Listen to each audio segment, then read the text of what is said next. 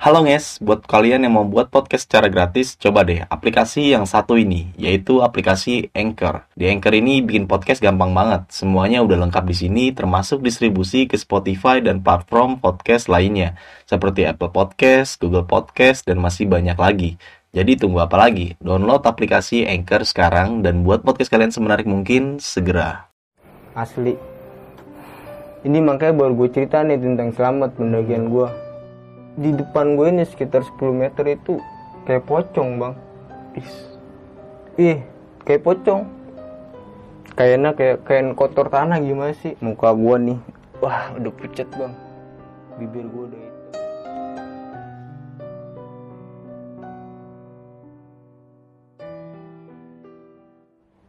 Assalamualaikum warahmatullahi wabarakatuh. Balik lagi dengan gue Indra. Di besok pagi Sebelumnya gue sangat berterima kasih banget Buat teman-teman semua yang sudah mensupport Menonton, mendengarkan besok pagi sampai saat ini. Semoga teman-teman semua selalu diberikan kesehatan oleh Tuhan Yang Maha Esa.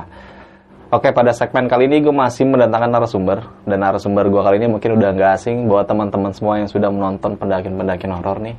Nah dia pernah mempunyai pengalaman pendakiannya saat di Gunung Sanggabuana Bertemu salah satu kakek-kakek yang berumur 582 tahun. Oke, kita langsung saja. Siapa narasumber gua kali ini? Halo, Mar. halo bang Aduh, apa kabar, Mar? baik bang Baik ya. iya Nah, lu waktu ketemu kayak kakek 582 tahun di Sanggabuana sempat viral juga tuh, Mar. Heeh. Di TikTok, di YouTube juga ya kan, Iya. di Instagram juga sempat tuh viral juga tuh. Mm. Nah, itu tahun berapa, Mar? Waktu itu? 2020 bang 2020. iya waktu Ketemu. solo Oh, lu solo lagi ketemu tuh kakek tahun 2020. Heeh. Sekarang 2021. Mungkin sekarang udah bertambah jadi 584 ya, Mar ya. iya bang Oke, nih Mar. Nah, pada kesempatan kali ini, ini kan lu mempunyai cerita pengalaman pendakian horor, ternyata bukan di Sanggabuana aja nih, Marnya. Iya. Yang ini kali ini gue bawain di Gunung Slamet bang. Gunung Selamat. Ah, sebelum masuk cerita nih, gue mengingatkan kembali buat teman-teman semua bahwa saya cerita yang pengen diangkat narasumber gue kali ini bukan untuk menakut-nakuti teman-teman semua, tapi lu bisa mengambil sisi positifnya lah. Bahwasanya cerita yang lu alami ini adalah cerita nyata, Mar ya. Iya. Dan ini terjadi di tahun 2019 ya. Mm. Oke, jangan lupa juga di subscribe besok pagi, eh, like, comment, and share, nyalain loncengnya supaya kalian tidak tertinggal video-video terbaru dari besok pagi. Kalau kalian juga mempunyai cerita pengalaman pendakian mistis, cerita kalian pengen diangkat di besok pagi atau menjadi narasumber, kalian bisa langsung mengirimkan email di besokpagi@gmail.com atau melalui DM Instagram di besokpagi.idv. Nanti untuk lebih jelasnya dan detailnya nih, gue bakal cantumin di link deskripsi. Dan Damar juga mempunyai channel YouTube nih. Mal, channel YouTube itu apa nih, Mal? Damar Kelana bang. Damar Kelana. Nah, bagi kalian-kalian semua nih yang penasaran sama channel YouTube ya Damar, di situ juga banyak banget eh, tentang pendakian-pendakian juga Mar ya. Iya dokumentasi gue bang selama naik gunung. Nah, oke. Nah, ini sekarang lu lagi menggarap kayak film gitu Mar. Iya. Mungkin gue bulan Desember bakalan bikin-bikin film bang. Insya Allah. Tentang pendakian gunung. Iya. Nah, buat lu nih yang penasaran sama pengalaman pendakian Damar, di situ ceritanya banyak banget, ada horor juga Mar ya. Wah ada bang. Langsung lu kita aja di channel YouTube-nya nanti untuk lebih jelasnya bakal gue cantumin juga di kolom deskripsi. Mungkin kita nggak usah berlama waktu ya. Oke. teman-teman juga udah mungkin udah penasaran nih sama cerita yang pengen lu angkat kita langsung aja masuk ke ceritanya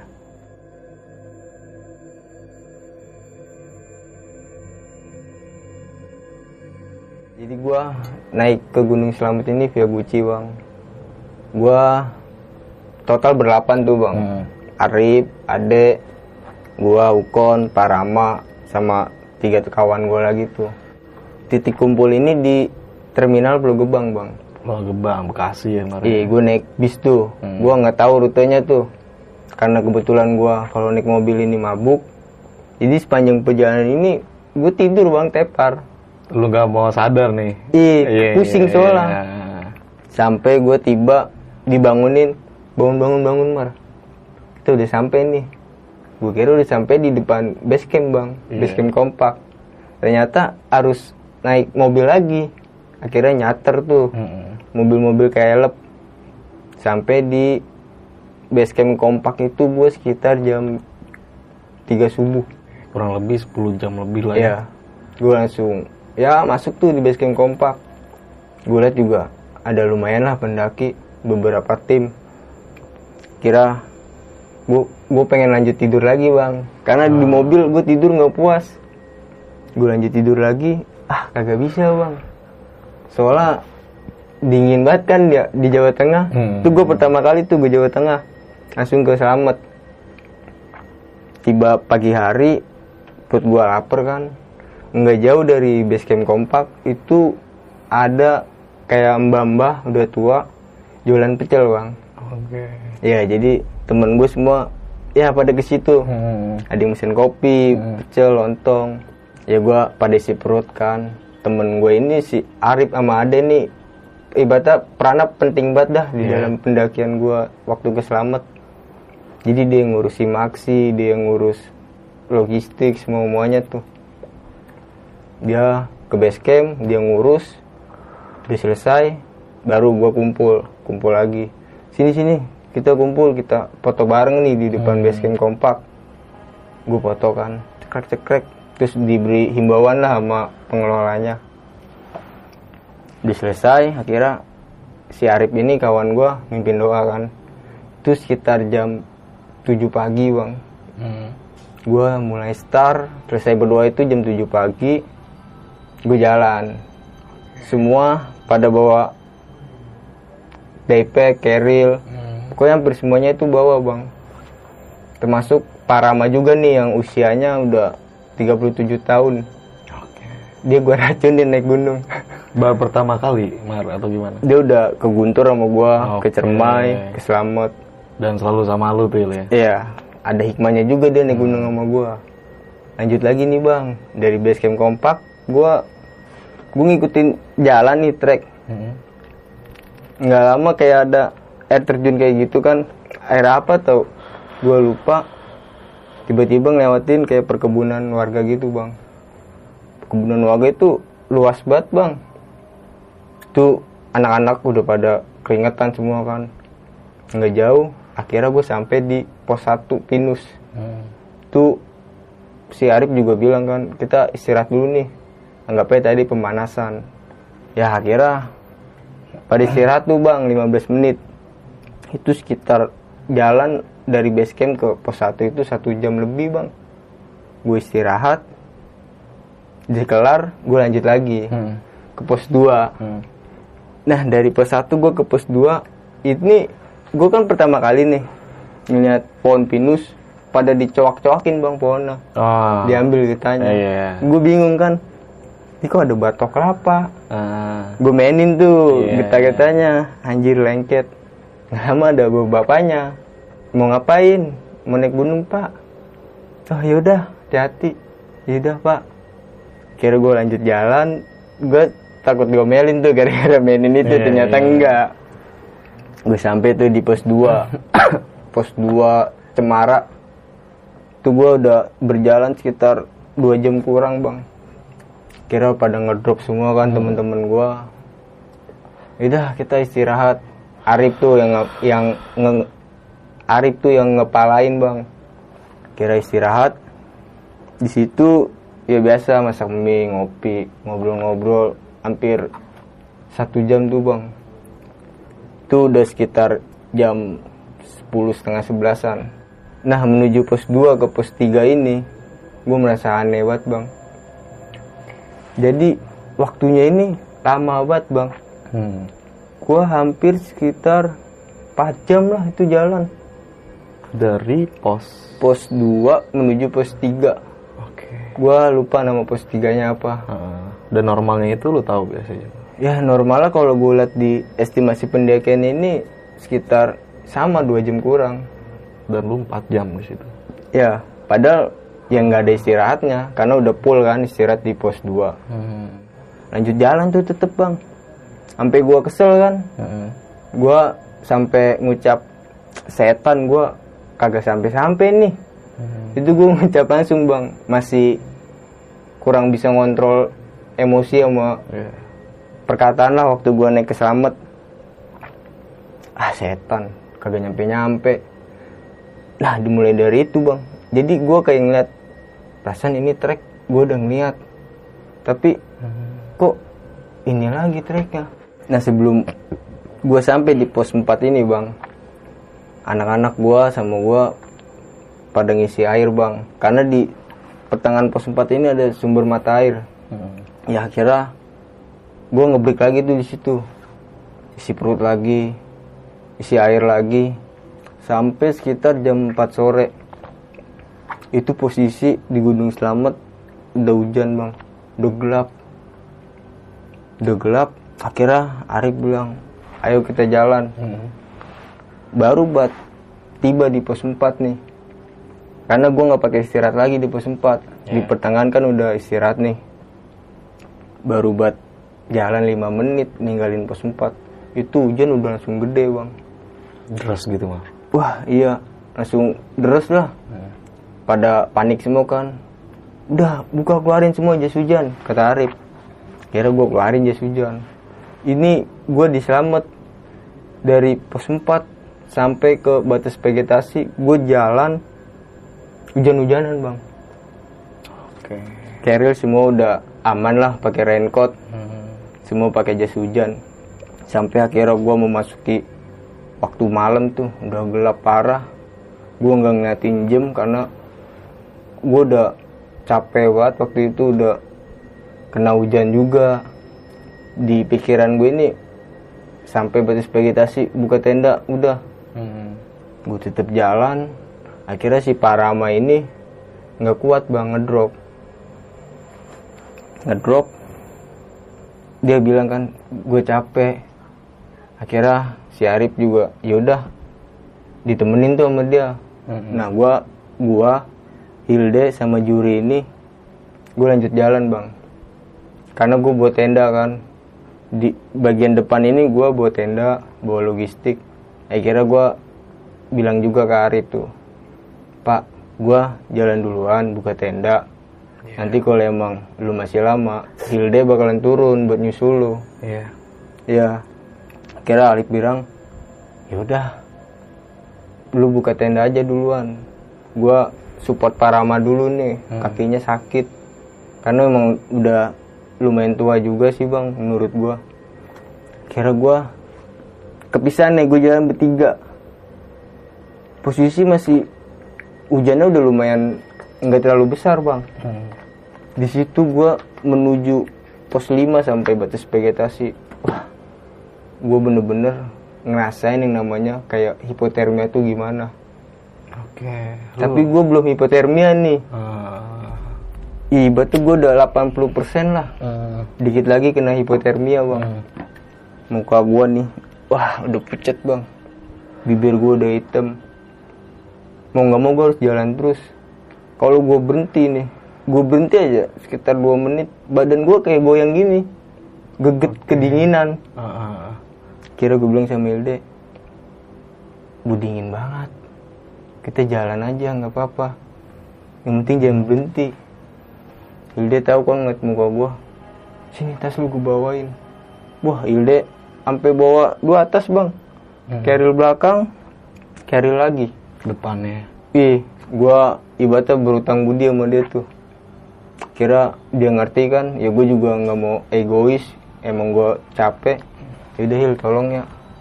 Gue gue tetap jalan tuh bang. Posisi udah malam lah udah jam 7 jam 8an udah gelap gue nggak ketemu sama pendaki sama sekali saat naik Hari itu cuman rombongan lu doang. Iya, gue nggak ketemu sama sekali. Sampai akhirnya gue tetap jalan sama Ildi bertiga sama Juhri. Juri ini bawa carrier yang isinya dua tenda bang. Gue tetap jalan. Ya gue kayak entah halu gimana ya. Gue ngeliat di depan gue ini sekitar 10 meter itu kayak pocong bang. Is. Ih, kayak pocong. Kayaknya kayak kain kotor tanah gimana sih? Iya. Astagfirullahaladzim dalam hati gue nih. Ah, pocong lagi. Gue ngeliat Hilde kan. Hil Hilde ngeliat juga. Gue bingung bang. Masa iya gue mundur? Heeh. gue jalan tuh sambil gue baca dah apa yang gue bisa. Gue jalan gue jalan. Pas sekitar 3 meter nih itu ternyata berubah jadi pohon bang. Oke.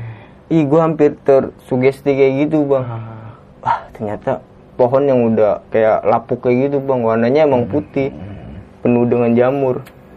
Wah tuh gua gua udah deg-degan parah tuh jantung gua. Kira gua lanjut jalan lagi. Alhamdulillah tuh sebelum batas vegetasi nih gue di sebelah kiri itu nemu kayak semacam pondok bang. Iya. Jadi kayak ada kayu rumah nih tapi kondisinya udah hancur. Di saat itu gue udah ngeliat wah bisa nih Hil tiga tenda. Yaudah akhirnya gue bongkar nih keril. Uh gue buru-buru tuh bang nahan dingin juga kan. Ke tenda tenda tenda satu udah jadi nih. Gue langsung buru-buru buka kompor. Gue pasang gas. Gue inisiatifnya dah gue ngerebus air gue masak. Karena gue emang kalau naik gunung ini posisi gue senang masak juga bang Oke. soalnya anget bang kalau deket Iya. kompor Bener ya, kompor itu menghangatkan kita ya. Ih, gue ngambil pengalaman gue suka masak itu dari Gunung Gede bang. Waktu itu Gunung Gede gue kena hujan es batu. Makanya di Slamet gue masak soalnya gue udah dingin banget. Semua badan gue gue angetin. Heeh. 15 menit, alhamdulillah tubuh gue normal lagi bang. Gue udah fit lagi kan. Muka gue udah nggak pucat lagi. Nggak lama udah jadi nih dua tenda. Akhirnya si juri bilang, Hil, udah lu turun, kabarin anak-anak. Dikit lagi nih, Oke. udah mau sampai mereka. Hilde turun, gue berdua sama juri nih sibuk masak dah sambil mikirin anak-anak nih. Mm-mm. Semoga nggak kejadian apa-apa kan. Mm-mm. Hilde turun waktu itu sekitaran setengah jam. Nggak lama dia balik lagi sama anak-anak. Wah semua kira temen gue nih pada kumpul bang. Udah buka tenda tuh lagi. Dibuka lagi tenda. Itu gue berlapan. Tenda tiga. Itu udah jam 9 bang. 9 malam kemarin. Iya, gue baru sadar. Set, jam 9 malam kita men. Jauh juga berarti ya Gunung Slamet. Oh iya tertinggi di Jawa Tengah. Gue mikirnya kayak gitu aja bang, mungkin mereka jauh kan. Yaudah, yang, yang, yang capek istirahat dah. Yang masih bisa bantuin gue masak nih, gue sambil ngangetin badan kan. Hmm. Tenda udah jadi, kurang kurang enak apa sih ya itu bocah Iya. yang naik, nyampe set buka sleeping bag tidur, Tidur. lau mateng, gue bangunin, nih. Iya. Kira makan bareng kan baca doa. Kira fix nih janji janjian kan kita nggak usah ngejar sunrise buat summit. Mm-mm. Kalau emang bisa bangun jam 8 ya udah kita naik. Kalau nggak bisa ya udah nggak usah naik semuanya. Akhirnya pas tidur nih badan semua teman-teman gue fit juga bang termasuk gue. Gue mulai summit itu jam setengah sembilan bang. Yang 9 pagi. Iya dari batas vegetasi Oke. sampai puncak. Ah, ah, ah. Gue summit rame-rame kan sambil gue dokumentasi tuh foto-foto. Mm-mm. Ih kata gue keren juga nih Gunung Slamet. Gue udah ngeliat awan gitu bang. Mm-mm. Akhirnya sampai gue tuh sekitar jam 12 bang. Oh. Di puncaknya tuh. Nggak bahaya gitu, Mar. Kagak bang. Tapi bau belerang ini nyengat banget bang. Iya, iya. Ya karena gue sama anak-anak capek. Ya gue nikmatin aja. Mm-mm. Gue nggak tahu tuh waktu itu kalau belerang itu bahaya juga kan kalau kehirup. Ah, soalnya kalau di Slamet itu kalau udah siang hari ah, Naik ya. ah. Itu udah bau banget bang. Gue sampai bingung. Bau apaan sih ini? Lu kentut ya? Soalnya baunya kayak gitu bang. Iya. Kagak orang bau belerang pele kata kata kawan gue tuh si Ukon. Yaudah kita masak kopi nih. Biasa kita jam 1 lanjut turun. Oke. Jadi gue mati-matian naik gunung jam 7 buat nikmatin puncak itu sekitar satu jam bang. Ah, ah, ah. Iya, sampai di jam 1 Ya biasa, ayo kita lanjut turun Turun tuh sambil Ya lari-larian bercanda Main pasir juga kan Masih ada pasir-pasirnya Gue balik lagi ke tenda gue Balik tenda Ya biasa istirahat. Isi perut lagi nih sebelum turun. Ada yang sibuk packing. Iya. ada yang sibuk nontonin. Ya ada yang sibuk tidur. Tidur di Macem-macem tanah. lah ya. macem-macem bang temen gua. Kira kelar nih semua nih sekitar jam setengah tiga. Makan dulu nih kita. Makan setengah jam di jam 3 ini bang. Gue turun dari batas vegetasi gue udah summit kan Mm-mm. nah waktunya gue sekarang turun Ternyata turun ini gue banyak ketemu pendaki juga yang turun bang. Oh. Pas naik lu ketemu gak, Mar? Pas summit Nah. itu kagak ketemu. Pas di puncak doang adalah beberapa tim. Hmm. Tapi pas gue turun ini rame bang. Sempat lu ada komunikasi sama pendaki-pendaki. yang- Sempet gue ngobrol dari mana ah. Hmm. Oh dari situ, saya dari Bekasi. Hmm. Gue waktu itu sepi bang waktu naik. Tiba-tiba. Kayak gue nggak ketemu. Oke. Pas paginya di puncak ternyata adalah beberapa tim gitu bang. Hmm. Sekira gue turun, turun juga waktunya berasa lama banget bang, asli. Ini makanya baru gue cerita nih tentang selamat pendakian gue, karena susah gue buat buat mikir ini masuk akal gak sih? Hmm. Soalnya lama banget bang, Hmm. mau dari naik dari turun. Kira gue turun kan tuh dari batas vegetasi jam 3 Gue biasa lah ketemu pendaki, gue gandeng kan, biar ada temennya aja. Begini, apa gimana, Mar? Enggak, di sejajarin Oh, aja jalan nah. Kalau gandeng ini nggak enak bang. Enak ya? gue ya so akrab aja gitu. Di mana bang? Di Jakarta. Wah deket bang, sih Bekasi. Dia lumayan rame bang, sekitar 10 orang waktu itu. 10 orang, ya 10 orang ada ceweknya dua. Ini juga akhirnya Parama kan ngedrop lagi nih. Pas turun. Eh, Oke. itu sekitaran di yang ada sumber mata air tuh di Sebelum pos 4. pertengahan. Oke, pertengahan ya. Iya, gue menuju ke pos 3 tuh. Hmm. Biasa ngedrop, ya udah masih ada nih logistik. Habisin aja. Ada snack, ya udah makan. Kira pendaking dari Jakarta ini jalan duluan, Bang. Bang, gue duluan. Iya, Bang. Sok, gue masih santai lah sama temen-temen. Padahal posisi udah malam, Bang. Sekitar jam tujuan. Kira gue pur lagi tuh yang orang Jakarta. Gue udah kelar makan, teman-teman udah pada pulih. Lanjutlah gue turun. Nah ini gue wah parah di paramanya ini bang. Dia gampang lelah. Iya. Sampai akhirnya sini pak ada nya Gue bawa tuh nya dia. Tas apa ransel-ransel kecilnya tuh gue bawa juga. Sampai gue kasih tolak angin, diminum, muntah. Kasih tolak angin, diminum, muntah. Sempat lu kerokin gak, Mar? Wah nggak sempet bang. Itu harus gelar matras dulu bang. Baru udah gue kerokin. Oke, lanjut, Mar. Akhirnya ya gue jalan pelan tuh. Eh nggak lama gue ketemu sama pendaki Jakarta lagi bang. Heeh. Itu trek udah gelap banget. Ketemu sama dia.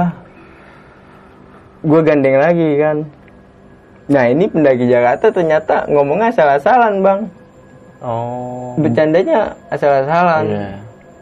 Woi, buruan. Yang di belakang tak kaki lu ditarik setan ya. Oh, gitu. Ih, dia ngomong gitu. Ini posisi gue di sini. Nah, ini dua dua anak Jakarta nih. Hmm. Sisanya di depan. Yang di depan bilang, "Woi, buruan, ntar kaki lu yang di belakang tarik setan ya." Nah, nggak lama dua pendaki ini kakinya ditarik, Bang, sampai dia ke peladuk. Ih, serius lu, lu ngeliat langsung gitu? Iya. Dia jatuh, bluk. Teriakan, anjing kaki gue ada yang narik. Kayak ada yang megang, sampai akhirnya dia kepladuk jatuh, bang. Hmm. Wah, parah. Akhirnya dia ngejar temen yang depan nih, buruan. Karena takut kan. Pas itu dia ngomong, tadi kaki gue ada yang megang. Lu sih ngomongnya kayak gitu. Hmm. Nih anak-anak gue masih biasa kan normal polos. Kira dia lanjut lagi pamit bang. Bang duluan lagi. Iya bang duluan aja. Ya. Gue lanjut jalan. Gue sama Paraman nih, sama Yoga. Gue kepisah berdua lagi. Berarti gue jalan duluan. Buat ngedorong Paraman nih biar jalannya agak cepet. Iya. Iya gue jalan duluan. Ini posisi hutan ini rimba bang. Ya, tutup lah ya. Iya, di situ gue istirahat kan sama yoga sama Parama. Tak lupa di belakang nggak ada suaranya. Ya gue nungguin kan. Hmm. lima orang temen gue ini. Nggak lama dia mau sampai. Sekitar satu meter nih. Baru mau ngucap. Semua hening bang. Kagak ada suara. Teman-teman gua. Ternyata pas ending itu asli suara kuntilanak. Jelas banget di kuping bang. Ketawa. Kik kik kik kik kik. Dan semuanya dengar tuh Mar. semua denger makanya langsung hening bang. Deng beberapa detik tuh kayak kestun Iya. ih. Stun itu diem lah ya. Eh, Ya. diem. pas banget lagi kan Nah. waktunya. Diem semua. Akhirnya si Arif buka pembicaraan bang. Eh ayo kita jalan nih dikit lagi sampai base camp. Ayo ayo ayo ayo. Jadi nggak diem bang. Iya. diemnya nggak lama. Jalan lagi. Itu gua ngerasain wah kok tempatnya kayak begini lagi jadi ya kayak yang udah gua lewatin sebelumnya bang. Gue balik lagi tuh sampai akhirnya jam 10 gue liat jam kan. Wah anjir jam 10 pos satu aja belum kelihatan hutan pinus. Ya akhirnya istirahat ini dikurang-kurangin bang. Dipus buat jalan terus. Iya. tapi kalau capek ya di ngertiin yaudah istirahat 5 menit lanjut jalan lagi jalan lagi gua. Akhirnya gue ketemu di pos 1 wah gue mikirnya di pos 1 ini wah dikit lagi nih base camp nih. Iya. semangat nih gue nih balik. Gue tetap support nih Pak Rahman nih. Ayo Pak. Dikit lagi nih Pak. Udah habis ini mah di base camp setelah mau mesen makanan apaan juga bebas. Ya akhirnya dia kedorong kan ya Mar ya Mar. Tetep aja ya Mar ya Mar. Semua tas gue yang bawain dia tangan kosong bang. Kos ya. iya. Eh, iya gue tetep jalan. Nggak sadar itu jam 12 bang. 12 malam. eh Ih, Gila. nggak nyangka itu dua jam. Oh. gue support sampai akhirnya jalan terus dua jam. Sampai jam 12 lebih. Akhirnya pas sebelum base camp nih para menggeletak kan di jalanan tuh. Hmm. wah udah geletak tidur akhirnya sampai juga di base camp kita mar parah jauh banget. Kita dari jam 3 loh. Iya. sampai sekarang jam 12 lebih. Yaudah pak. Ntar aja di base camp tiduran cerita ceritanya ya kan? Lanjut jalan sampai di base camp nih.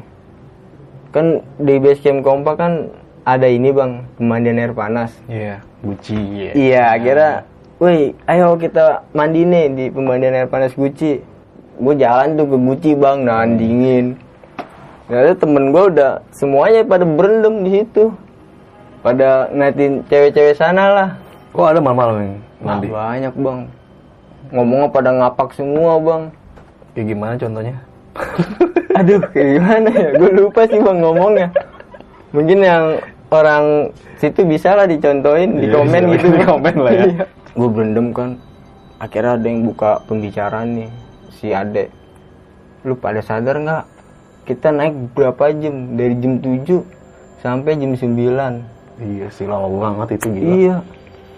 Terus satu hal lagi, kita seharusnya turun lebih cepat daripada naik. Masa ini sama aja? Turun dari jam 3, kita sampai di base camp kompak jam 12 malam. Hampir 10 jam lah ya. Wah iya bang. Ya segituan lah. Akhirnya ya gua sadar kan, apa gara-gara gua kali yang ngomong, ah setan gak nyampe-nyampe. Oke. Pas Di awal. situ ya gua sadar gua masih egois kan. Ya udah, sorry men, gue bilang mungkin gua keceplosan. Soalnya Arif Arif bilang juga, lu Oh. sih ngomong kayak gitu. Ya gua mana tahu, Hmm. kan keceplosan pak. Ya udah, yang penting kita nih naik di Gunung Selamet ada maknanya lah kita turun kembali dengan selamat. Hmm, sesuai dengan nama gunungnya. ya. Iya, makanya gua wah banyak belajar bang dari selamat. Hmm. Setelah gue turun dari selamat, ya gue jadi pendaki yang so bijak gitu bang. Kayak gimana? Mas? Iya yang tidak berbicara kotor, Wah itu penting banget sih mas. buang sampah pada tempatnya, Tempatnya, gitu. iya. Ngencing pun nggak di botol bang. Ah, ah. Wah itu penting banget tuh banyak banget tuh pendaki yang sering ngencing di botol ya. Iya. Gue sering ngeliat tuh pendaki ngencing botol itu di gunung-gunung yang Iya. seribu ke bawah bang, Iya, MDPL lah, iya, iya. kebanyakan. Ah. Gue nggak tahu kenapa dia ngencing di botol. Hmm, ya mungkin karena menghindarin ini kali kalau misalnya di alam kata mengotorin dia ngecing di botol. Padahal kalau di botol, botol ya kalau dibawa ke bawah sih nggak apa-apa ya. Ih, kalau ditinggal, kebanyakan ditinggal yang kita lihat di lapangan realitanya begitu ya. Oke, dan hikmah yang lu ambil dari pendaki di Gunung Selamat apa lagi tuh, Mar? Ya gue bisa ngilangin egois gue nih Ha. sampai akhirnya gue next ke gunung selanjutnya sampai gue tanya temen gue yang keselamat nih gue naik sama Ukon Mm-mm. sama Yoga gimana perubahan gue sekarang gue masih sompral nggak masih egois nggak Hmm. udah nggak apa lu cakep dah Oh, lu sampai nanya ke teman lu begitu juga tuh? iya gue menyesuaikan diri bang supaya dia nggak kecewa lagi naik sama Iya, gue. Dari situ yang yang awalnya gue frontal lah jadi bijak sedikit lah Ah, bisa ngontrol Emosi pembicaraan ya. juga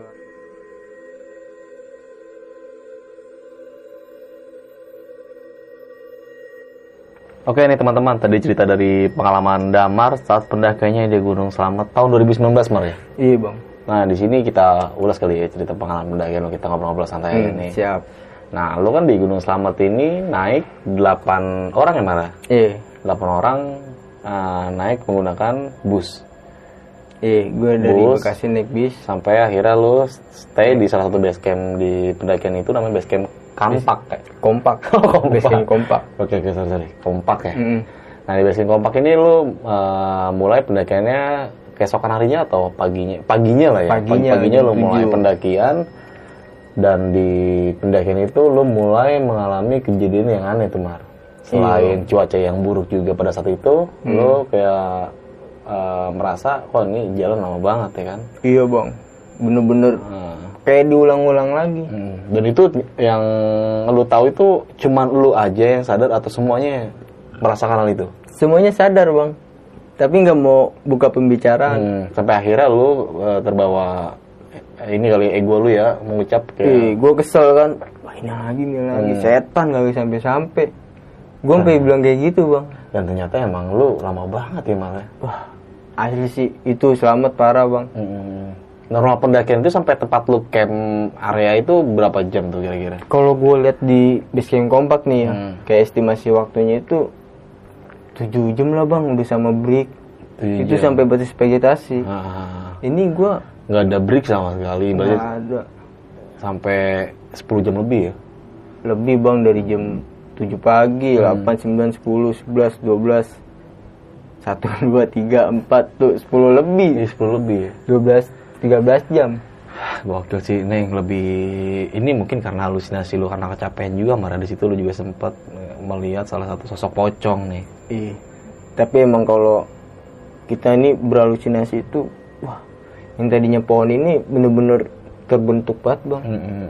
Sampai kayak gambaran pocong nih kewujud gitu. Tapi pas gua beraniin, ternyata pohon. Ah. Temen gua Hilde pun Sama halnya sama gue tanya, tadi pocong apa pohon? Pohon. Gue kira juga pocong. Pas di bawah tuh dia tuh di pemandian air Air panas, Guci. Iya. Nah, memang pada kondisi itu lu setelah diguyur hujan deras ya, Ih, gua hampir hipotermia tuh. Hipotermia juga dan faktor kelelahan sampai menimbulkan halusinasi. Hmm, belum tidur soalnya bang. Nah, oh iya semenjak perjalanan lu nggak. Kagak. Tidur di bis doang gua. eh, Nah, lanjut perjalanan lagi sampai lu di tempat camp area nih. Di Iya. camp area, di camp area lu tadi sempat menjelaskan kalau lu tuh eh, gelar masak-masak lah ya. Hmm. Masak-masak, lu eh, sempat stay di depan kompor nih. Iya. Lu senang banget situ Mare. Wah, anget bang. Hangat banget ya. Iya. Yang tadinya dingin jadi anget gitu. Dan ini pendakian pertama lu ya di Gunung Selamat Mare. Iya, gua mental ke Jawa Tengah tuh. Pertama kali langsung gua gas selamat. Eh, Nah, di sini gue pengen ulas nih Mal nih. gue sempat kayak agak eh, bingung lah ya. Bingung dalam artian itu eh, pas lu turun kan lu banyak pendaki nih ya. Heeh. Tapi pas naik tuh lu gak ada pendaki sama sekali nih. Gak ada bang. Selama perjalanan naik itu gak ada pendaki ya. Sebelum di Guyur Rejen ini, gua ketemu pendaki ngambil air juga. Mm-mm. Pas gua dari pos 4 sampai ke ini nggak ada. Gua nggak nemuin sama sekali. Mm. Nah yang pas turun dari lu pas turun dari puncak nih ya. Nah, untuk melanjutkan ke base camp, Hmm. berapa rombongan pendaki tuh Mar? Gua berdelapan, terus anak Jakarta itu 10 10 orang sama cewek dua bang. Hmm. Sempat lu nanya lu eh, dia gelar camp di mana gitu. dia gelar campnya di batu vegetasi bang nggak jauh dari tenda kemah teman-teman gua Dan lu pada saat itu nggak ngeliat. kagak ngeliat bang gua nggak tahu apa mungkin dia lebih malam lagi kan Ah. Dan yang lu rasain ya seperti itu ya. iya lama banget Oke. Nah pas lu turun nih ternyata ke- kejadian kayak lu merasa diputerin di situ-situ aja belum berakhir ya. belum sampai akhirnya gua turun tuh bang Hmm. gue sampai malam jam 12 malam diketawain kuntilanak juga Kuntilanak. rombongan sampai sampai diem semua kicep Dan rombongan lu juga ada yang drop juga ya. Ih, Parama sempet muntah-muntah gitu mas. Dia minum tolak angin keluar gue kasih air keluar bingung gua bang Apa belum makan atau gimana mar? padahal makan semua sama rata makan pada doyan masuk ke angin sih kayaknya bang semenjak keguyur hujan itu Iya sih ya, fisik lu juga terkuras habis di situ ya. tapi gua salut sih bang sama Pak Rama Kenapa tuh? gua kenal sama dia ini boleh gue ceritain nggak Boleh boleh. gue kenal sama Pak Rama ini di kerjaan bang dan dia ini single single bang. Single fighter apa gimana? single parent. Oke. oke. di usia yang 35 itu kan seharusnya udah menikah kan? Iya. mungkin udah punya anak. Nah, tapi gue liat dia belum. Sampai akhirnya gue telusurin. Kenapa pak belum nikah. Dia banyak alasan ini ini. Setelah gue analisa dia sama wanita ini kayak kurang ini bang karismanya Hmm, oke. Sama- iya. Ditutupin gitu ya karismatik diri ya? iya ditutupin tuh sama dia kayak sama wanita ini kurang banget gitu. Maksudnya biasa kurang- aja. Oh, nggak ada genit-genitnya bang Ah, ah, ngerti, ngerti, sampai ngerti, akhirnya gue ajak nih naik gunung. Ngerti. Ah, ah, naik gunung yuk pak. Ah. biar gagah dikit nih. Kan wanita banyak nih yang seneng sama cowok-cowok pendaki nih dilihatnya gagah bisa bertanggung jawab akhirnya dia mau. Ayo boleh kapan? Gue juga pengen banget nih naik gunung. Itu pas gajian tuh dia langsung beli bang. Carrier, daypack, sleeping bag semuanya. Iya, sering niatnya tuh dia. ih udah. Gue pertama kali sama dia ke Guntur. Hmm. sukses tuh sampai puncak dua. Nah, terus ke nggak lama lagi ke Cermai. Gue liat pelutungan sukses semua sampai puncak. Di Selamet alhamdulillah sukses dan setelah turun dari Selamet ini dia dapat jodoh bang wah, Gokil nggak? Iya. iya. dia dapat jodoh dia nikah bang Oke. Vi- langsung video call gue alhamdulillah mas sekarang aneh udah nikah Hmm, terima kasih udah pernah ngajak naik gunung iya. maaf nih nggak ngundang soalnya acaranya dadakan langsung nikah dadakan bang Di Lost Bug gitu dikelilingin. Kayaknya dia nikahnya di rumah perempuan. Oh, kirain di mobil Lost Bug terus Kagak. dadakan soalnya. tahu dong. Tahu bulat. Di situ tuh kata gue wah alhamdulillah dah kalau udah nikah mah ya. Gue juga turut senang. Tapi masih ngajakin naik gunung lagi. udah nggak bisa bang. Soalnya kata dia istrinya ini kayak posesif gitu bang. Oke. kalau dia naik gunung takut kenapa-napa hilang apa gimana. Nah, saking sayangnya. iya. Oke. ya udah pak. Yang penting bapak mah udah punya pengalaman lah naik gunung. Bisa diceritain nanti ke anak bapak. Ya udah sekarang waktunya ngurus rumah tangga aja. Iya. kayak gitu. Itu Parama itu salah satu teman rekan kerja lu lah ya. iya bang Nah, Nimar, thank you banget nih lu ya. Eh, sekali lagi udah mau berbagi cerita pengalaman lu di Gunung Selamat, Mar ya. iya Nah, lu punya pesan-pesan gak sih buat teman-teman semua nih yang menonton video lu kali ini cerita lu saat mendaki Gunung Selamat pesan-pesan buat teman-teman khususnya buat para yang baru pengen banget mau daki gunung nih Mar.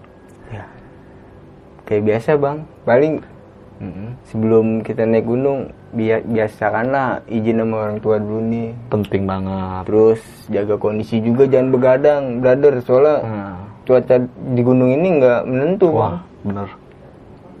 sama sedikit belajarin tentang hipotermia tuh penting banget asli Mm-mm. Cara mengatasinya ya kan. iya dan kalau bisa naik gunung ajak temen yang udah hafal udah tahu Hmm, berpengalaman. Iya. Oke. Udah sih itu aja sisanya jaga sikap sama perilaku aja selama di gunung. Jangan sembarangan ngucap. Jangan sembarangan kencing apalagi di botol. Iya. tuh bang. Kalau botol dibawa turun lagi sih nggak apa-apa ya. apa mana lebih asik tuh langsung aja kalau kencing. Hmm. numpang numpang anak bagang mau kencing juga kayak gitu kecil bang. Iya sama. Oke nih Mar, thank you banget ya. iya bang Mungkin itu aja cerita pengalaman pendakian Damar saat di Gunung Selamat tepatnya pada tahun 2019 Mar ya. eh Ini pendakian lo sebelum ke Sangga Buana ya? wah ya Sebelum ke Sangga Buana ya. Nah mungkin teman-teman gue mengingatkan kembali eh, bahwasanya cerita yang diangkat oleh Damar kali ini bukan untuk menakut-nakuti teman-teman semua, tapi kalian bisa mengambil sisi positifnya. Di sini kita bukan kayak menakut-nakuti teman-teman di belajar, eh gue jadi takut naik gunung nih. eh jangan gitu Ya, enggak lah ya. Iya. Tapi ini kita sharing-sharing untuk berbagi pengalaman. Ambil sisi positif lah, situ banyak banget poin-poin ya. Kenapa sih orang mengalami kejadian ganjil di gunung itu? Ternyata kebanyakan yang gua denger nih ada Hmm. sebab-sebabnya nih. Kayak ngomong sembarangan tadi lu jelasin. Iya. Karena gunung itu ya bukan tempat kayak taman kanak-kanak ya. bukan kita doang bang iya, di situ juga ada hewan-hewan di situ ya kan. Hmm.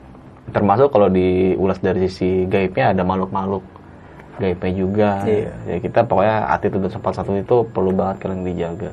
Oke, mungkin itu aja pembahasan gua bersama Damar. Saksikan video-video berikutnya dari besok pagi. Dari gue Indra, wassalamualaikum warahmatullahi wabarakatuh.